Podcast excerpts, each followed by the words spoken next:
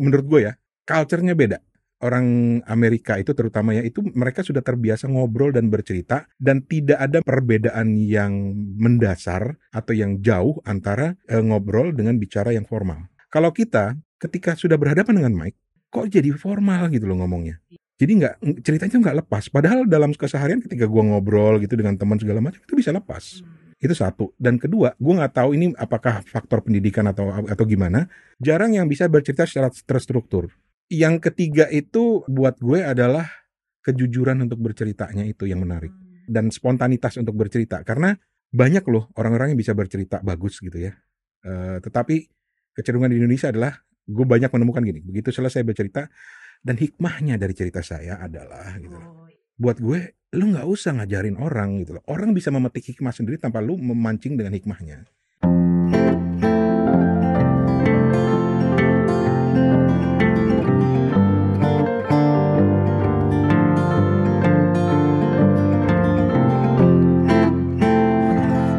Halo Om Rani.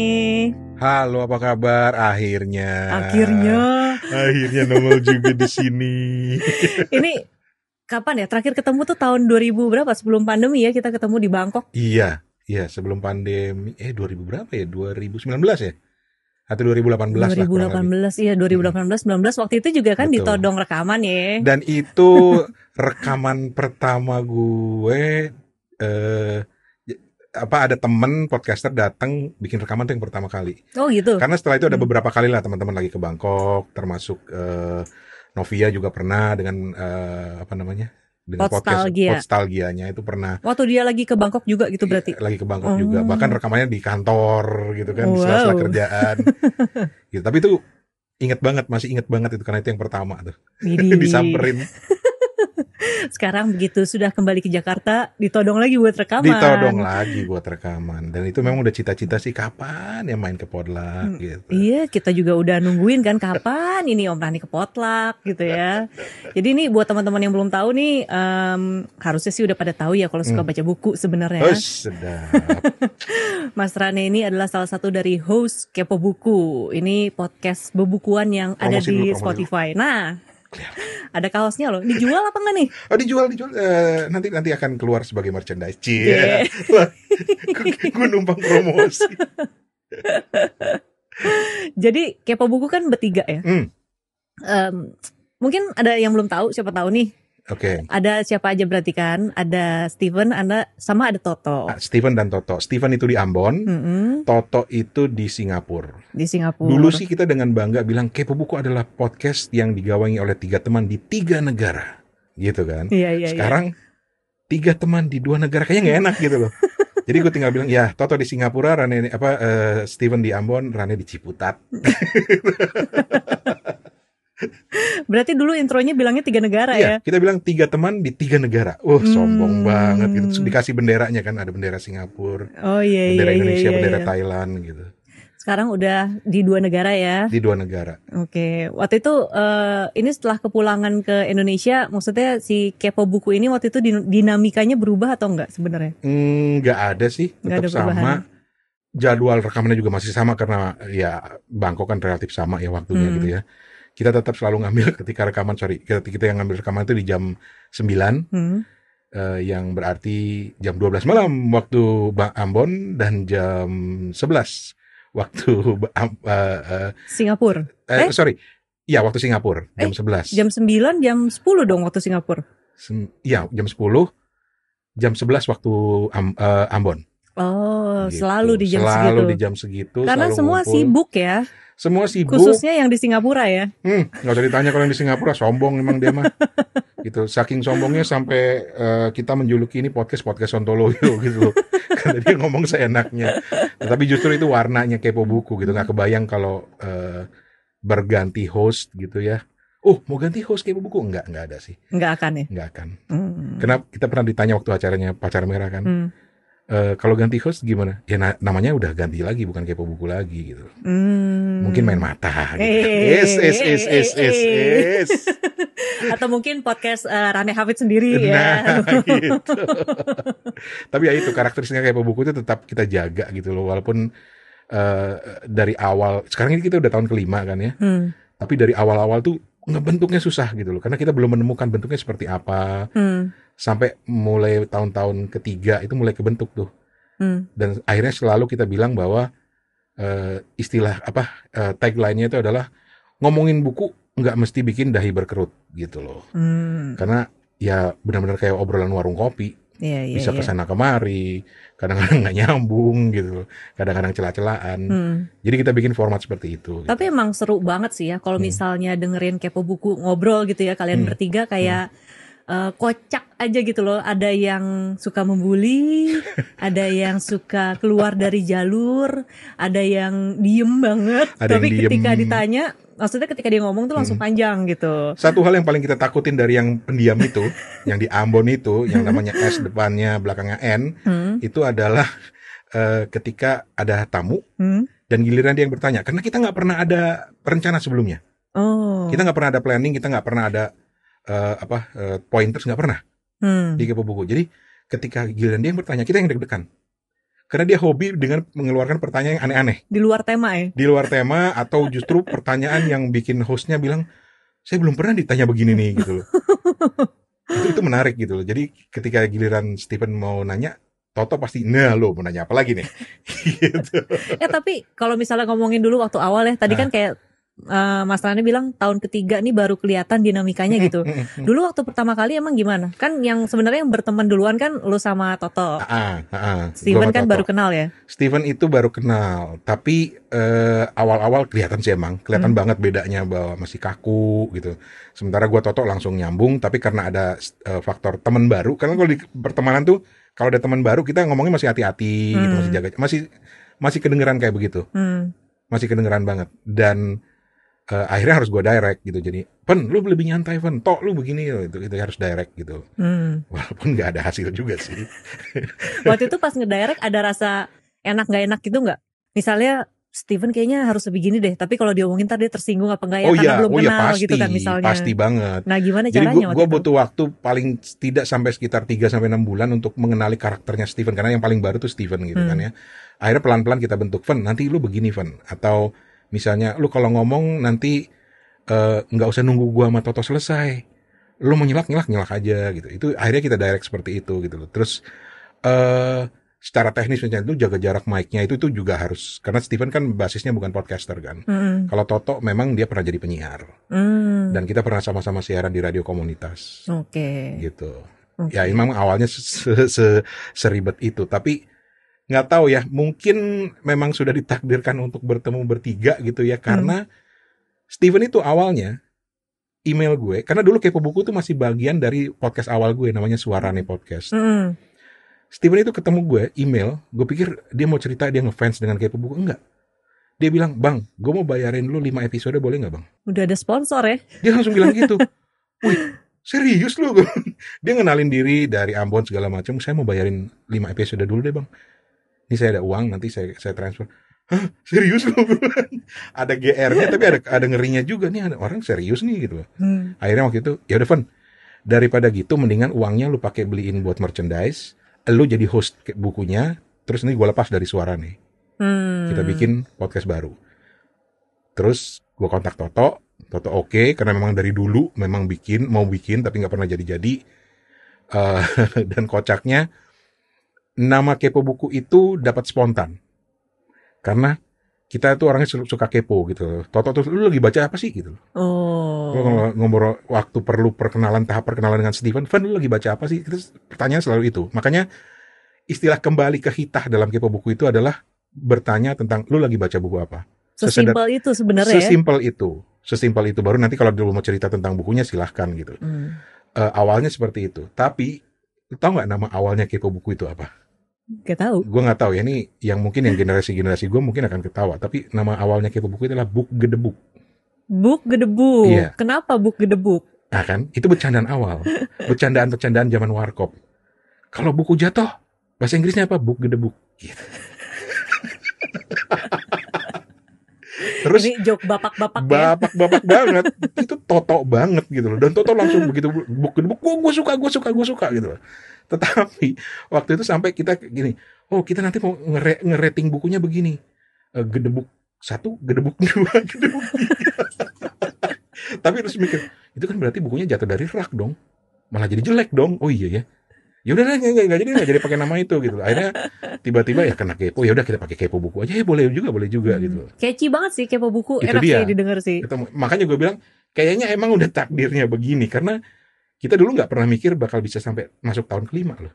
Iya, Nggak hebat ya. Pernah kepikiran. Tapi sebelum itu lo sama Toto emang udah suka cerita sharing tentang buku, emang sering, selalu rutin gitu. Sering, saking seringnya sampai kita bikin podcast aja toh gitu. Oh. Sering banget ngobrolin Oke. buku gitu. Ya kita bikin podcast udah rencana macam-macam lah rencananya dulu deh. Hmm. Bahkan udah ada calon narasumber, Toto sampai bela-belain beli bukunya, Tapi belum rekaman-rekaman. rekaman-rekaman. Kenapa? Dan dia sampai saking itu dia sampai punya mixer, punya Wow. punya apa namanya? mikrofon Hmm. yang proper gitu. Tapi belum rekaman-rekaman tuh. belum rekaman-rekaman gitu. Sampai akhirnya Toto bilang "Ah, akhirnya kepake juga mikrofon gue gitu. Kudu ada orang ketiga dulu ya. Udah ada orang ketiga gitu. Ya gitulah sejarahnya. Oke. Walaupun eh, sempat ada additional host, opat gitu Iya. waktu itu supaya ada suara perempuannya gitu. Hmm. Tapi ternyata yang ujung-ujungnya adalah ya tetap kembali bertiga lagi gitu. Hmm. Waktu Gitu. itu berarti setelah tahun ketiga menemukan dinamikanya kayak gimana di antara kalian? Kita merasa bahwa ini sudah jadi rutinitas yang tidak membosankan. Oh. Ya bosan sih pasti ada dan ketika bosan itu ada ya udahlah nggak usah nggak usah rekaman. Santai aja ya. Santai aja nggak ada target gitu sampai lah nanti kalau ada sponsor gimana? Emang ada yang mau sponsorin kepo buku? sampai se ekstrim itu gitu. Sampai sempat ekstrim. Toh ini ada yang mau mau launching buku bayar berapa ya kira-kira toh ya? Udahlah bikin aja dulu. Nanti kalau dia suka ya masukinlah ke karya karsa kita karena kita punya karya karsa yang kita sebut celengan. Hmm. Jadi kalau lu suka dan memang ada uang, ada sisa-sisa GoPay masukin aja ke celengan gitu. Hmm. Jadi sistem kita gitu. Kita review bukunya, kalau lu suka ya masukin, kalau nggak dimasukin juga nggak apa-apa. Hmm.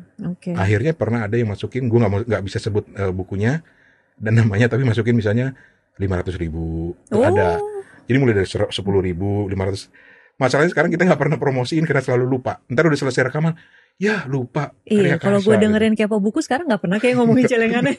itu bukannya karena kita udah kaya, tapi karena kita merasa karena kita selalu lupa gitu. Hmm. Karena dulu setiap kali diingetin ada aja gitu yang masukin. Hmm, hmm, lima puluh ribu, sepuluh ribu, eh, rekornya pernah sampai lima ratus ribu itu ada gitu loh. Hmm. Ya untuk bayar kita selalu bilang ya celengan lah buat, Buat jajan bayar-bayar, beli buku. buat jajan beli buku, syukur-syukur bisa buat dibeliin hadiah buku gitu tuh. Oh. Waktu itu idenya seperti itu gitu. Oke. nah, ini apa ya? Kalau gue lihat kan memang di kepo buku ini, Mm-mm. em, lo adalah salah satu magnetnya nih. Hmm, Bener apa enggak? Nggak tahu ya. a Di way, antara ya. maksudnya Toto dan Steven ya. Oke oke. yang pemersatu juga gitu. Terus se- apa ya? Untuk menjaga semangat bertiga itu kan sulit ya. Mm. Apalagi kan semuanya sibuk masing-masing Hmm, gitu. hmm. Gimana caranya lo ya mungkin kalian bertiga sebenarnya Hmm. mempertahankan kayak ayo kita tetap harus rutin nih ngobrol. Terus apakah apakah ada jadwal ngobrol rutin? Terus rekaman itu tadi meskipun misalnya pas lagi santai, lagi malas ya udah nggak usah. Tapi kah apakah sebenarnya dijadwalin atau gimana? Eh, kita udah sepakat sebetulnya tiap either Sabtu atau Minggu.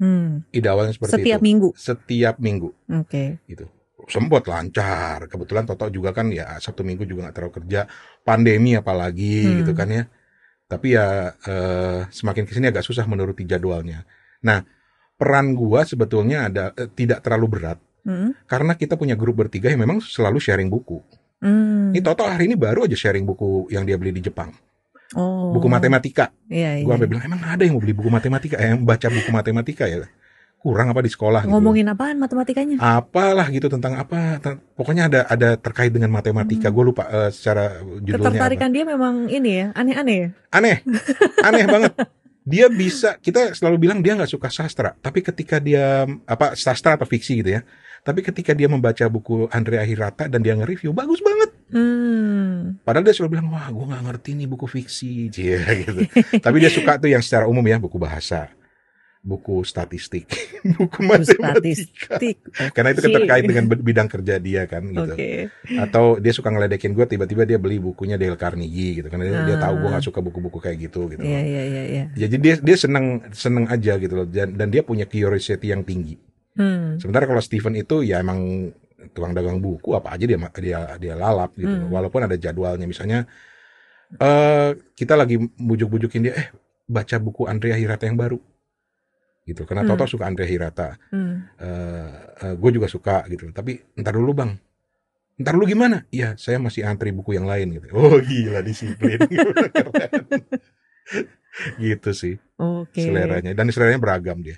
Berarti tiap maksudnya emang masing-masing tuh setiap lagi baca buku apa selalu sharing ya, selalu Sharing. kasih tahu ya. Atau lagi lagi jajan buku di mana terus eh, ini bagus nggak sih gitu. loh. Oh. Dan selalu yang pertama nyaut siapa coba tebak? Steven. Steven.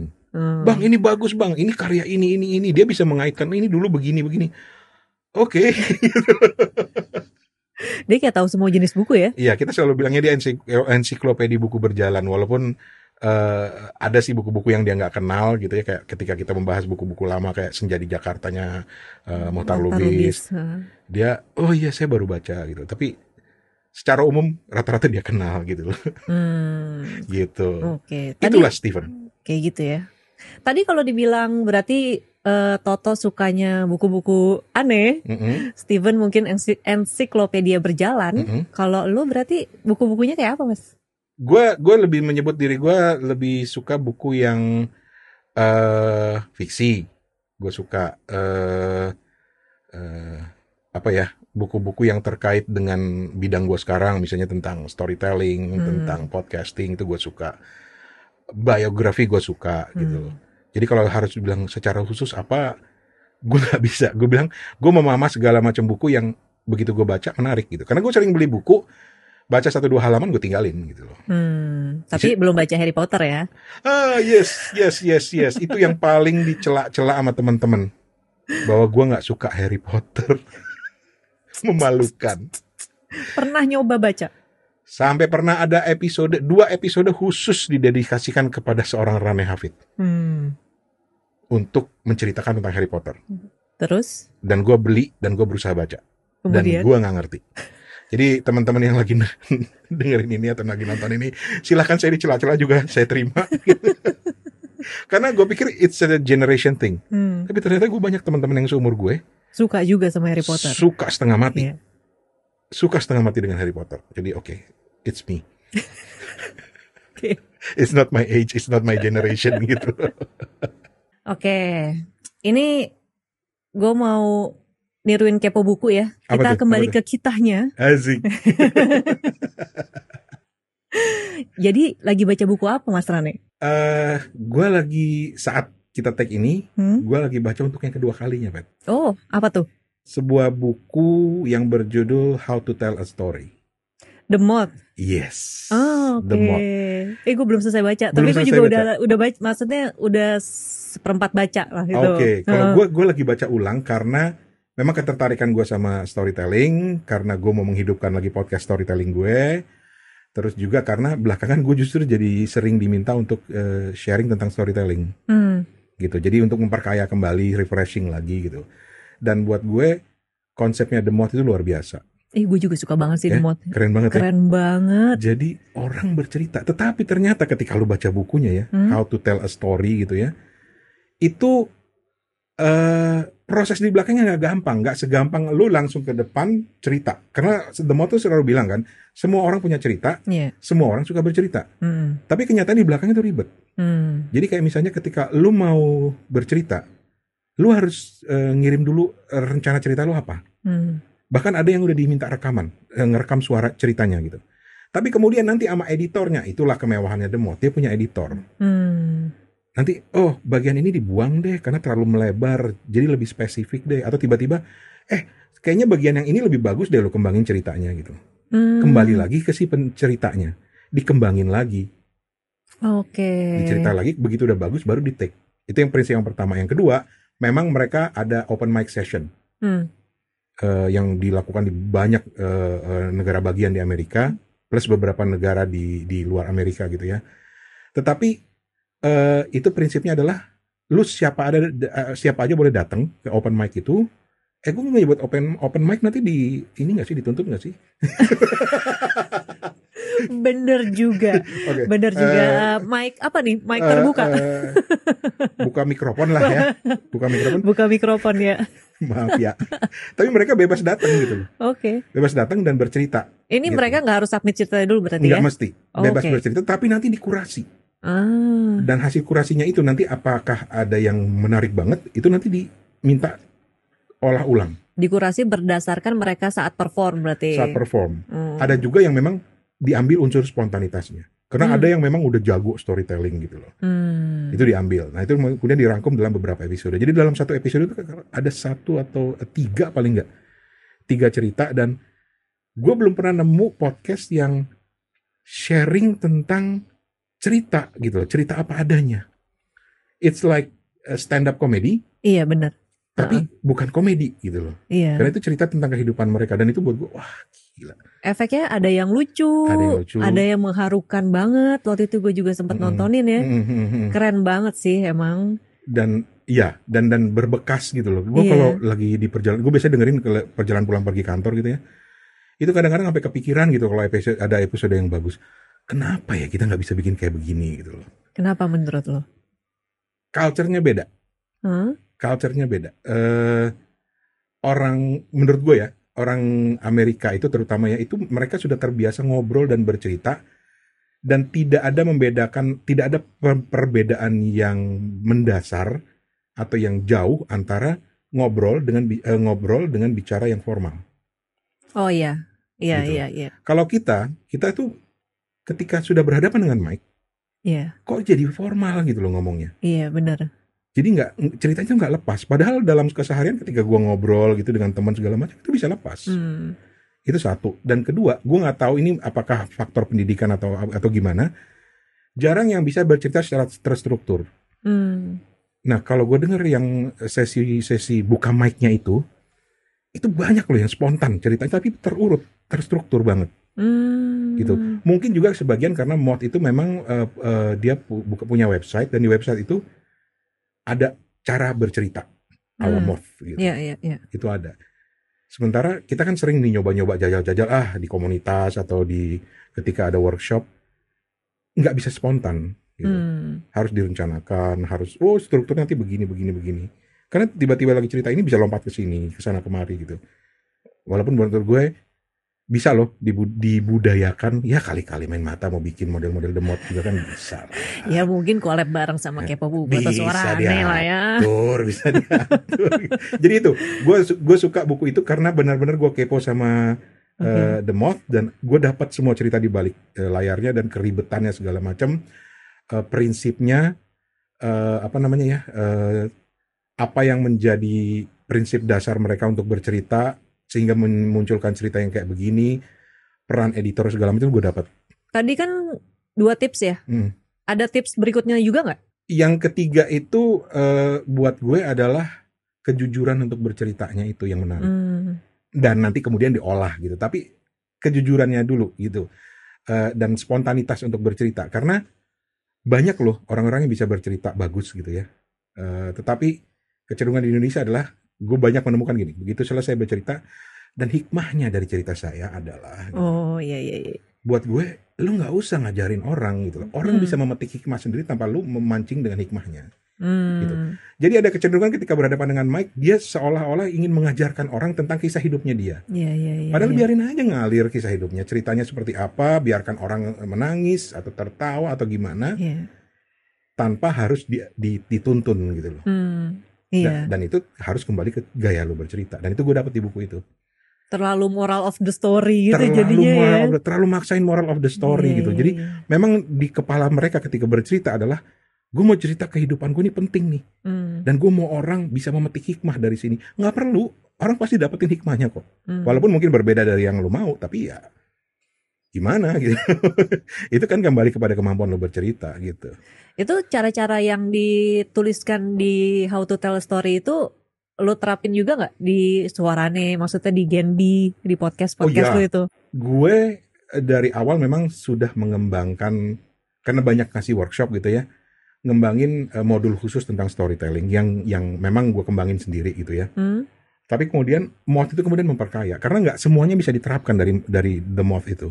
Karena kan the moth itu kan bercerita tentang kehidupan lo. Hmm. Sementara eh, modul yang gue kembangkan itu lo bercerita bagaimana lo menggunakan teknik bercerita untuk menyampaikan apa pun. Hmm. Mau soal bisnis, mau soal dagang yang lagi laku tuh how to tell a story for your business misalnya. Hmm. eh, selain juga bercerita tentang eh, real story atau kehidupan sehari-hari. Nah, ketika gue harus bercerita tentang kehidupan sehari-hari, nah prinsipnya mod ini banyak bermanfaat gitu loh. Hmm. Banyak bermanfaat yang akhirnya gue pakai. Oh, ini seru nih. Karena jujur eh, Gen B itu dulu, oh gue ada satu lagi podcast namanya Gen B, C promosi. Januari akan mulai, enggak deh, udah mulai meluncur ding, udah mulai. Itu Gen B itu gue gue gue pakai sebagai laboratorium gue untuk storytelling. Jadi kelihatan loh eh, eh, dari dari episode pertama perkembangannya Iya, iya. storytellingnya gimana tuh kelihatan banget eh, gayanya. Gue suka dengerin juga kan. Asik, yo yo yo yo. Memang ini apa cukup variatif ya? Sangat sangat variatif di satu sisi gue bisa ngomongin makanan tiba-tiba dapat ide lain eh, ngomong dengan diri gue di masa lalu gitu. Iya. itu favorit gue dan ternyata banyak pendengarnya Eh, salah satu lagi yang pendengar yang banyak pendengarnya itu adalah ketika gue cerita tentang eh, pengalaman gue naksir orang waktu SMP gitu Oh. itu juga ternyata banyak pendengarnya jadi di situ gue bisa oh ternyata cerita seperti ini ya yang menarik ya ternyata cerita seperti ini walaupun eh, gue suka yang raw sebetulnya kalau untuk podcasting dan storytelling itu gue suka yang raw gue nggak suka banyak efek banyak Hmm. segala macam walaupun di beberapa episode memang ada yang masuk efek Iya. itu banyak seperti itu tapi Hmm. mungkin itu bagian dari storytelling gitu Oke. Wal- tapi kan apa ya? Gue lihat kalau misalnya walaupun raw gitu ya, Mm-mm. eh, yang podcast podcast lu gitu, Mm-mm. episode episodenya, tapi kayak tetap strukturnya menurut gue tetap terjaga sih gitu. penting sih Iya. lu ketika lagi bikin itu tuh lagi bikin monolog, maksudnya struktur apa yang biasanya lu siapin?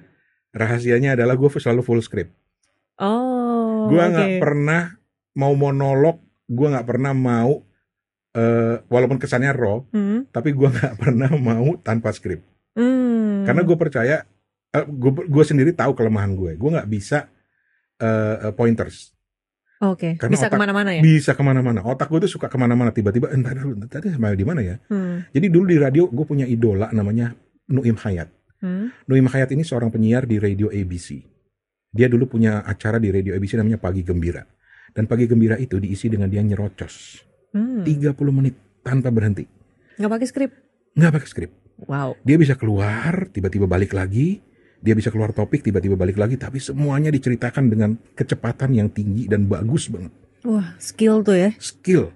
Dan gue mengidolakan dia dan gue bilang suatu hari gue harus seperti ini. Tapi ternyata gue akhirnya menyadari bahwa gue nggak bisa seperti ini. Hmm. jadi gue harus full script.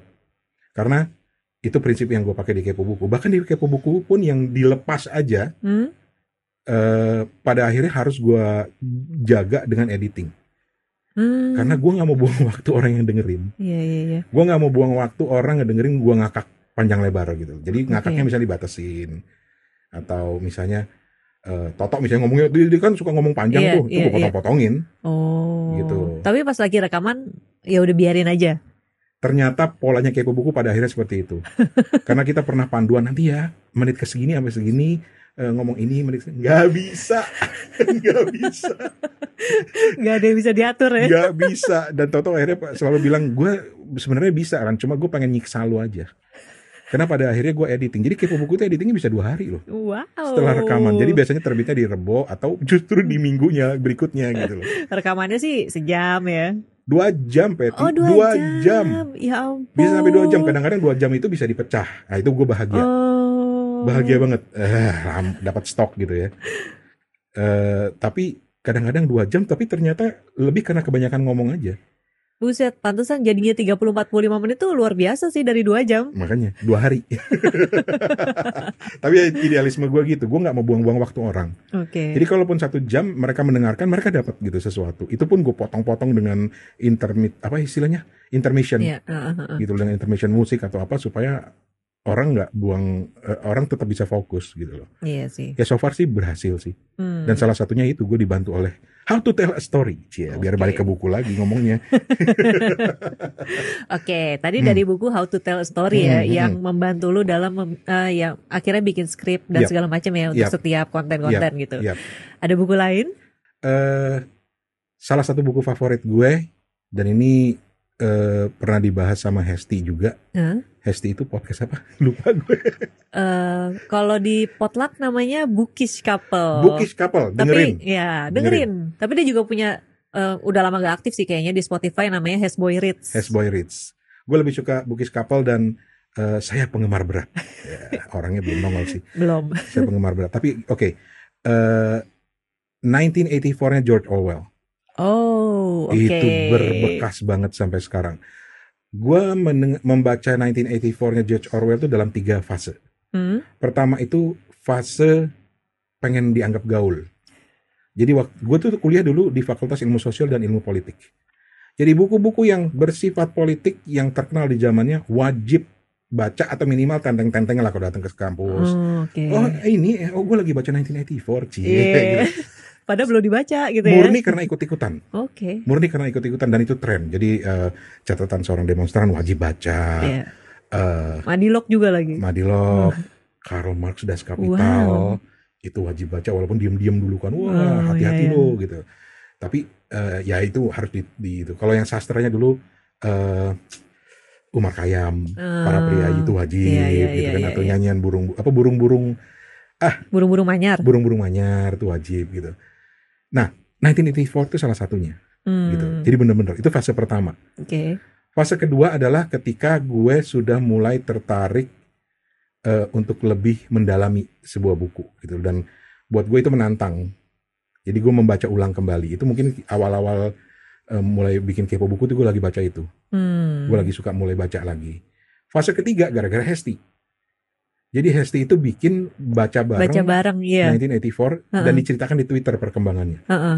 Gue bilang ini konsepnya keren nih dan bahkan bisa melatih gue untuk disiplin membaca karena kan kita harus laporkan dulu membaca dari halaman Iya. berapa sampai halaman berapa di setiap posting Twitter. Nah itu justru yang paling mendalam. Oke. Apa yang apa bedanya berarti di tiga fase itu waktu itu penemuannya? Eh, banyak hal baru yang ternyata gue nggak nggak nggak nggak notice. Menarik kalau baca ulang buku tuh gitu banyak hal baru yang gue nggak notice gitu. 1984 tuh banyak hal baru yang gue nggak notice Hmm. dan eh, ditambah lagi gue baru nyadar betapa luar biasanya influence 1984 kepada masyarakat khususnya masyarakat di gue nggak tahu di Indonesia ya tapi Hmm. di di di Inggris di Amerika itu besar banget karena di salah satu posting Twitter gue itu gue iseng nyari di Spotify buk, eh, lagu eh sorry di Google lagu-lagu yang terpengaruh oleh 1984 Oh, banyak ya? coba kalau ke Spotify sekarang cari Winston's playlist Winston's. Winston's Nanti deh, Play- nanti eh, cari. Win- Winston itu kan tokoh di di 1984 kan. Oke, gue belum baca soalnya bukunya. Harus, Patty, harus. Udah ada sih terjemahannya, coba belum dibuka. nah, itu terjemahannya Pak Landung itu luar biasa. Gua gua oh. gua ini dikenal di Kepo Buku sebagai tukang nyinyirin terjemahan. Tapi yang ini enggak ya, Ini enggak. perfect ya. Gue berani sampai Steven tuh bilang, "Emang gitu ya, Bang ya?" Karena gue bilang gini, di gue masih ingat tuh di episode Buku itu gue bilang terjemahannya Pak Landung ini bikin gue seolah-olah lagi membaca novel bahasa Indonesia, Hmm. bukan novel terjemahan. Oke, wow. Saking kerennya menurut gue. Ini Gitu. yang terbitan Bentang Pustaka kan? Yes. Oke. Yang yang Pak Landung Simatupang itu Oke. keren banget. Uh, gue jadi pengen baca nih sekarang nih. Makanya, itu itu itu dia makanya. Dan itu eh, eh, akhirnya gue temukan pengaruhnya. Wah gila di gua kalau nggak salah di playlist tuh ada 20 lagu deh. Hmm. Stevie Wonder tuh terpengaruh lah, banget lagunya dengan 1984. Oh, oh itu lagu-lagu yang terpengaruh dari Lagu-lagu yang 1984. terpengaruh 1984. Dan 1984 itulah yang membawa gua ketemu dengan Haruki Murakami. Hmm. Karena dia bikin Ichiku Hachiyong itu kan terpengaruh oleh Iya. gitu. Terinspirasi lah bukan terpengaruh Uh-huh. gitu. Oke. Gitu sih. Jadi cobalah baca. Oke. 1984 George Orwell terjemahannya juga apalagi. Baik. Nggak rugi. Dari 1984 nih, Hmm, hmm. lanjut buku ketiga. Buku ketiga. Gue akan dihujat oleh banyak orang. Karena Hmm. gue tuh sering banget dicela sama teman-teman gue. Jadi gini, ceritanya gue tuh eh, eh, pernah tinggal di Jepang lima tahun. Hmm. Ketika ditanya sama teman-teman satu anime, gue nggak tahu. Manga, gue nggak tahu. Ketiga, sastra Jepang, gue nggak tahu. Wah, parah. Satu satunya ya kan, satu lu bilang lima tahun kenapa nggak lu manfaatkan gitu Iya. loh. Lu ada di negaranya Haruki Murakami men gitu, Hmm. atau lu ada di negaranya eh, Astro Boy men gitu. Hmm, hmm, hmm. Gue kalau ditanya Astro Boy yang mana ya? Astro Boy itu yang itu ya yang ada tanda unyang-unyang di sininya. Itu bukan gitu. Gitu loh, gitu. Karena gue nggak tertarik gitu loh. Belum lah, belum tertarik lah. Jadi satu-satunya buku yang menarik gue waktu itu adalah Haruki Murakami. Jadi Hmm. kesempatan gue ngabisin semua bukunya Haruki Murakami gitu. Eh, tapi itu gue simpen buat belakang dulu. Oke. Karena dari situ gue mulai tertarik pada sastra-sastra Jepang atau Hmm. atau novel-novel fiksi Jepang, Hmm. termasuk yang paling kontemporer gitu loh.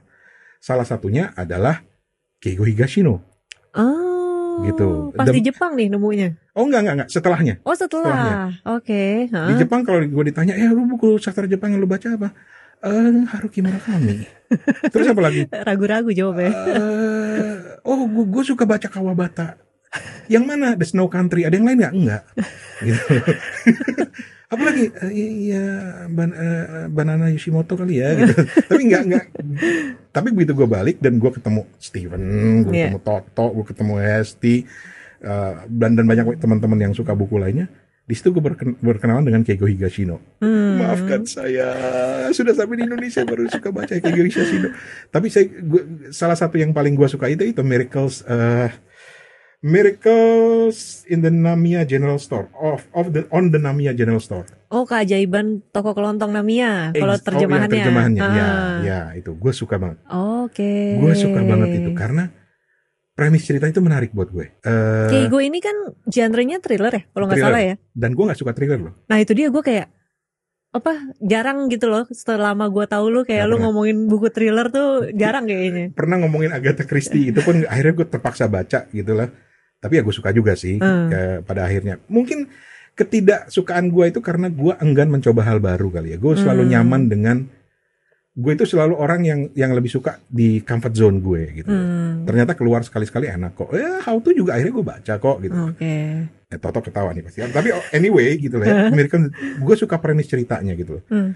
Sesuatu yang gue nggak pernah kepikiran loh. Premisnya bisa kayak begitu gitu loh. Bahwa orang ketemu ada ada ada ada unsur-unsur eh antar waktunya kan. Iya. Kayak time machine gitu loh. Itu gue suka banget premisnya gitu loh. Oke. Nah Dan- sejujurnya gue belum baca karya-karya Keigo Oh, Higashino ya. belum. Oke. Ah, mungkin juga akan dihujat gitu ya karena pembacanya banyak banget gitu kan di sini. Banyak banget.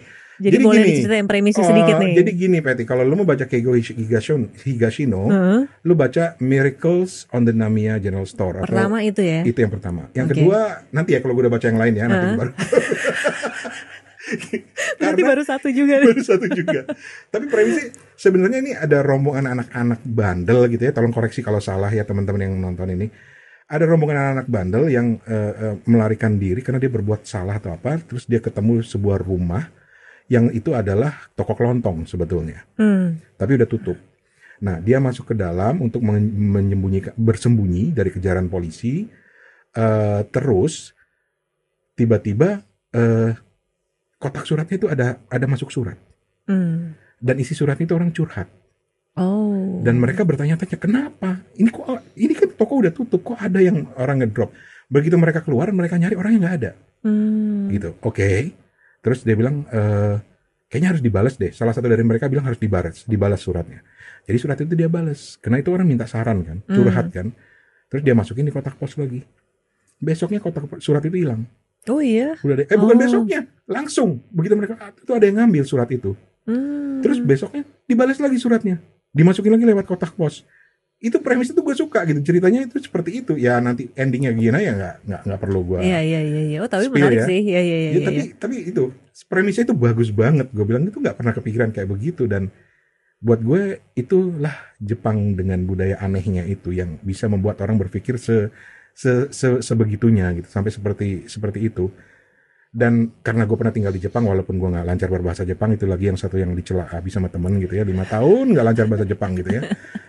gue bisa membayangkan percakapan-percakapannya gitu loh Hmm. gue bisa membayangkan budaya-budayanya da- ketika walaupun itu versi Inggris yang gue baca Iya. tapi gue bisa ngebayangin ketika mereka misalnya heh gitu atau misalnya Oh oh iya iya iya. iya. gitu beneran deh gitu gue bisa membayangkan gaya-gaya bahasa mereka dari bahasa Inggrisnya gitu loh Hmm. dan dan budaya-budayanya kenapa misalnya toko kelontongnya begini atau kenapa gaya hidup mereka begini cara pandang mereka begini tuh gue bisa membayangkan karena ya gue pernah merasakan tinggal di sana dan oh ya seperti ini Memang seperti yang tergambar di buku ya. Yes. Dari situ baru gua kebawa ke buku. Eh itu tadi kurang lebih premisnya seperti itu ya. Yang Ah. lainnya silakan baca. Kalau mau baca Keigo Higashino yang lain, eh, kira-kira seminggu lagi deh. Karena gue lagi baca. Bener ya ntar gue tagih loh. Eh, iya iya, oh, boleh boleh. Satu lagi, eh, sebenarnya ini sebelum sebelum Keigo Higashino sih. Hah? Toshikazu eh, Kawage. Oh, funi funikuli funikula itu ya? Yes, Be- Oh. Before the coffee gets cold. Oke. Itu juga premisnya edan gitu. Oke. Gue tuh suka buku-buku yang premisnya itu menarik gitu. Hmm. Yang nggak pernah kepikiran sebelumnya atau memang gaya bahasanya menarik. Gue tergoda untuk ngomongin Hi- eh, Murakami tapi di belakang. Tapi Simpen, simpen. Before the Coffee Gets Cold ini premisnya kan gila. Ada sebuah cafe, lu di situ bisa datang ke masa lalu ya kalau nggak salah ya. Kalau nggak salah masa lalu. Bisa iya. ke masa lalu dengan duduk di salah satu eh, sudut cafe dan minum kopi Hmm. gitu loh. Itu sebenarnya cerita horor loh. Karena ada tokoh hantunya kan di situ kan. Hmm. Ada tokoh hantunya tapi itu menarik banget buat gue. Kok bisa orang mikir angle ceritanya kayak begini? Dan lagi-lagi itu gue kebawa perbincangan mereka, suasana di di apa namanya di kafenya itu teringat eh, wa- eh, apa namanya gue bisa bisa relate banget gitu loh dengan gaya-gaya bahasanya dengan culture-nya segala macam Kebayang masa-masa di Jepang gitu. exactly yang Hmm. selalu bikin gue kangen gue bilang kalau ada tempat dan gue punya duit yang tempat yang gue mau menghabiskan masa tua gue mau di Jepang aja gitu karena itu enak banget gitu buat gue tuh berkesan banget mungkin karena eh, Jepang itu tempat yang cocok buat orang yang suka menyendiri kali ya walaupun kalau nggak ada internet pusing juga gitu Iya. gitu. Nah itu jadi jadi dua itu. Eh, terus satu lagi gue lupa eh, tapi ya nanti ingetin lagi ya kalau di Heeh. episode berikutnya kalau diundang sih. Eh ya itu yang yang yang penjaga toko kombini itu toko. Saya kamu rata. Yes. Oke. Oh, itu gue udah baca. Itu Udah juga itu menarik sih. Itu menarik Iya. dan problematika yang dihadapi orang Jepang itu Mm-mm. persis seperti itu, Patty. Penyendiri, terus kalau yang belum menikah itu dianggap aneh, cara mereka pandangan mereka terhadap perempuan itu persis seperti itu. Ya namanya juga orang Jepang yang bikin, tapi itu gambaran persis seperti itu. Keanehan-keanehan orang-orang aneh yang keluar masuk eh, kombini, kalau di Jepang Heeh. dibilang kombini, Heeh. emang begitu. Emang ada kayak gitu ya? Ada Oh. orang-orang nerd, Iya, orang-orang iya, iya. otaku yang cuma keluyuran malam-malam cuma buat beli makan Iya. dengan pakai kop topi ditutup kayak itu, itu ada beneran gitu dan jadi itu bisa terbayang cara-cara ketika masuk Irashimasu gitu Iya, datang beli beli beli apa onigiri ya tapi itu persis sama Hmm. jadi gue jadi suka cerita Jepang gitu. Justru setelah gue balik. Nah baru ke Murakami. Dan Heeh. Murakami gue nggak bisa nggak mau cerita panjang-panjang gitu ya, tapi eh eh, gue selalu bilang gini kalau ditanya tentang Murakami. Murakami itu adalah satu-satunya novel walaupun itu terjemahan bahasa Inggris. Dan gue berharap sebenarnya kalau gue bisa baca dalam bahasa Jepangnya mungkin akan menarik. Tapi satu-satunya novel atau novel pertama yang pernah gue baca yang bisa membuat gue bisa membuat imajinasi gue tuh melayang gitu ke mana-mana. Hmm. gitu loh. Yang benar-benar oke istilah yang tepat adalah novel visual Ketika Visual. lagi baca benar-benar terbayang ya bisa seperti apa adegannya banget, ya. bisa tergambar banget gitu. Itu Oke. gue suka dan favorit gue adalah Ichikyu Hachiyong. Apa itu? Satu Q Oh, 84. yang dari George Orwell. exactly yang Yang itu tebal banget. tebal banget. Tapi itu gue irit-irit bacanya. Oh iya. Karena gue kalau baca itu kayak kayak setiap adegan-adegannya itu gue, wah gila ini gue bisa ngebayangin banget gitu. Misalnya adegan yang paling teringat sama gue adalah ketika eh, adegan di playground tokoh utamanya gitu ya, adegan di playground di tengah bulan purnama dia duduk di playground gitu. Hmm. Itu gue langsung, ih gila, visual banget gitu loh. Cerita-ceritanya dia naik eh, taksi atau walaupun ceritanya aneh sebetulnya sih. Gambaran di kafe itulah hebatnya Murakami menurut gue. Hmm. Karena dia meninggalkan kesan visual dan tidak Iya. tidak aneh sih buat gue karena culture Jepang itu culture visual. Orang Jepang itu orang yang sangat visual, Hmm. sangat visual. Petunjuk-petunjuk kereta tuh banyak gambar, iklan-iklan Oh, tuh banyak kan gambar Iya, anime iya, iya. segala macam, gambar-gambar komik-komik yang cute-cute, yang kawaii-kawaii gitu. Heeh. Gue inget ceritanya Hikmat ketika dia tinggal satu Hikmat Darmawan, Hikmat sorry, buat Darmawan, yang nggak iya. kenal. Dia tuh punya kesimpulan yang sama bahwa Jepang itu negara yang sangat visual. Dan itu tergambar bahkan di tulisannya. Hmm. Kalau di komiknya atau animenya nggak usah ditanya, di mangganya nggak usah ditanya. Tapi dari tadi selain Murakami aja buku-buku yang lu sebutin dari penulis Jepang aja lu juga udah bilang kan ketika baca bener-bener kebayang kan waktu itu Exactly. di Jepang kayak Mungkin gimana? kebantu itu, tapi ya gue nggak tahu ya kalau gue nggak punya pengalaman itu, tapi kok gue bilang sangat visual, sangat visual. Sampai, eh, lu tau gak sih, eh, ada sebuah website Hmm? yang mengulas semua makanan yang pernah ditulis di bukunya Murakami. Gak tahu apaan namanya. Aduh, gue lupa websitenya. Gue kirimin atau lu, lu cari deh Murakami on Food. Itu Oh, oke. ada satu website yang bahkan dia mencoba merecreate Oh iya? masakan-masakan itu. Dia masak nyoba masak yes, gitu? Oh yes. wow. Seperti yang diceritakan di, di Orang Jepang juga? orang Jepang Oh. gitu di wah, bukunya Murakami. Gue banget bilang sih. ini gila sampai sebegitu influence-nya. Gokil. Eh, tapi eh, keren sih. Keren, keren banget. Gue gue tuh sampai wow bisa begini ya. Lu bisa ngomongin makanannya sampai sebegininya dan itu semuanya Murakami gitu. Dan setelah itu semua buku Murakami gua gua lalap eh, dari Jepang kemudian eh, ke pas saat tiba di sini kan banyak buku-buku lain kan Ichiku Iya. Hachiyong itu kan gue ingat waktu gue di Jepang sebelum pulang itu orang sampai ngantri Untuk beli. beli jadi kayak orang mau beli Oh, iPhone ngantrinya Ya ampun. Karena baru rilis waktu itu. baru rilis Oh, tapi lu bacanya udah lama setelah itu ya? tahu nggak kenapa Malas ngantri. karena versi Inggrisnya baru belakangan diterbitin Oh iya benar juga. benar juga jadi sih. teman-teman senior senior gue tuh sampai lu ngapain sih sampai segila ini sama Murakami gue bilang it's keren bilang keren banget Eh tapi lu pernah baca buku mereka dalam bahasa Indonesia belum? Belum Belum ya? belum Katanya tergantung dari siapa penerjemahnya Iya, sih. Cuman kan iya. kata katanya kan kalau buku yang versi bahasa Indonesia nih dari bahasa Jepang sekarang kan udah diterjemahin langsung ya dari Mm-mm, bahasa Jepang. mm-mm, Jadi mm-mm. bisa jadi ada perbedaan sama yang bahasa Inggris. Yes. Karena mereka suka motong-motong yang bahasa Inggris Persis. katanya. persis Heeh. Eh, gue lupa namanya tapi nama belakangnya Gabriel itu salah satu penerjemahnya Murakami yang bahasa Inggris Hmm. dan bukannya gue nggak pernah baca gue pernah berusaha baca gitu ya Mhm. Norwegian Wood misalnya gue pernah coba baca dan gue merasa ini kayaknya dari terjemahan bahasa Inggrisnya deh Oh dulu ya, udah lama soalnya pernah Norwegian ada terbit. Norwegian Wood heeh. pernah ada dan gue bilang ini kayaknya dari Inggrisnya deh ya gue nggak mau nuduh tapi gue merasa seperti itu gitu Hmm. sampai salah satu buku yang ini satu buku lagi ya boleh ya Boleh, boleh. masih cukup waktunya Murakami lagi eh yang tentang lari What what I talk about itu when ya. I talk about running Iya. what I talk what I talk about when I talk about running yang gue baru tahu itu ternyata judul itu terinspirasi dari penulis Amerika ya what Oh, Raymond Carver ya. Raymond Carver gue baru Oke. tahu dan akhirnya gue cari Raymond Carver tapi ntar ya buat episode Iya, lain ya nanti heeh. Eh, tapi eh, what I talk when I talk about runningnya Murakami itu bio, semi biografis kan Iya. dan dia menulis yang non fiksi aja bisa sama Ini gue belum baca sih tuh. baca Kayak kayak dia nulis novel ya. yes Oh. dan di situ lu kelihatan betapa Murakami itu punya punya apa ya eh, eh, eh, eh, ke- kekerasan hati yang luar biasa untuk mendisiplinkan diri dia Hmm.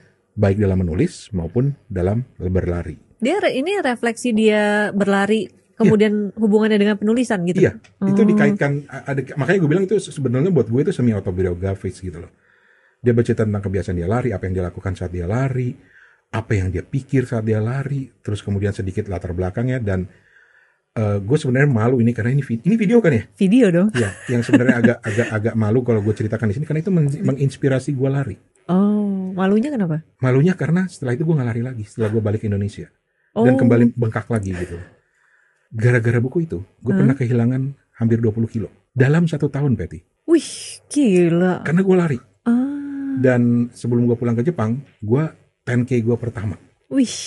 wah itu berkesan banget gitu karena gue mendisiplinkan gue membayangkan oh Murakami itu dia banyak berpikir ketika lari dan dia banyak mendapatkan inspirasi ketika lari Oke. Gitu.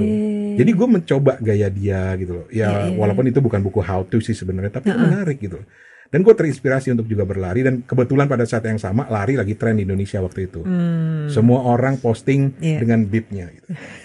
gue juga posting dengan bib di Tokyo Bay dong. Wih, mantap. iya, tapi jangan ditanya waktunya ya. tapi gue bisa memaksa diri gue berlari sampai Yang penting kelar kan? kelar sampai gue kehilangan berat badan sekian banyak itu sangat inspiring. Hmm. Masalahnya kenapa gue nggak bisa inspired sekarang? Gitu? Apa gue harus baca ulang? Mungkin harus bukunya? baca ulang bukunya nanti ya. Akan dicoba. Oke. Ini kalau tonton nonton episode ini gue diketawain. Ngomong doang lu Ran gitu. Nanti spesial untuk Toto linknya dikirimin langsung deh via WhatsApp ya sama Om Rane. Begitu, seru deh. Oke deh kalau gitu Mas Rane, thank you banget buat Sama-sama, ngobrol-ngobrolnya. siap-siap Semoga hati. Bisa jadi ini ya tambahan buat eh, tumpukan buku yang akan dibaca nanti ya, nggak Ya. tahu kapan. Iya, asal jangan sundoku ya. Iya, Ya, sundoku. Sundoku bahas. apa? Coba cari di kepo buku. Betul. Ya. Iklan lagi. Oke, lagi. thank you Om. Sama-sama, Peti.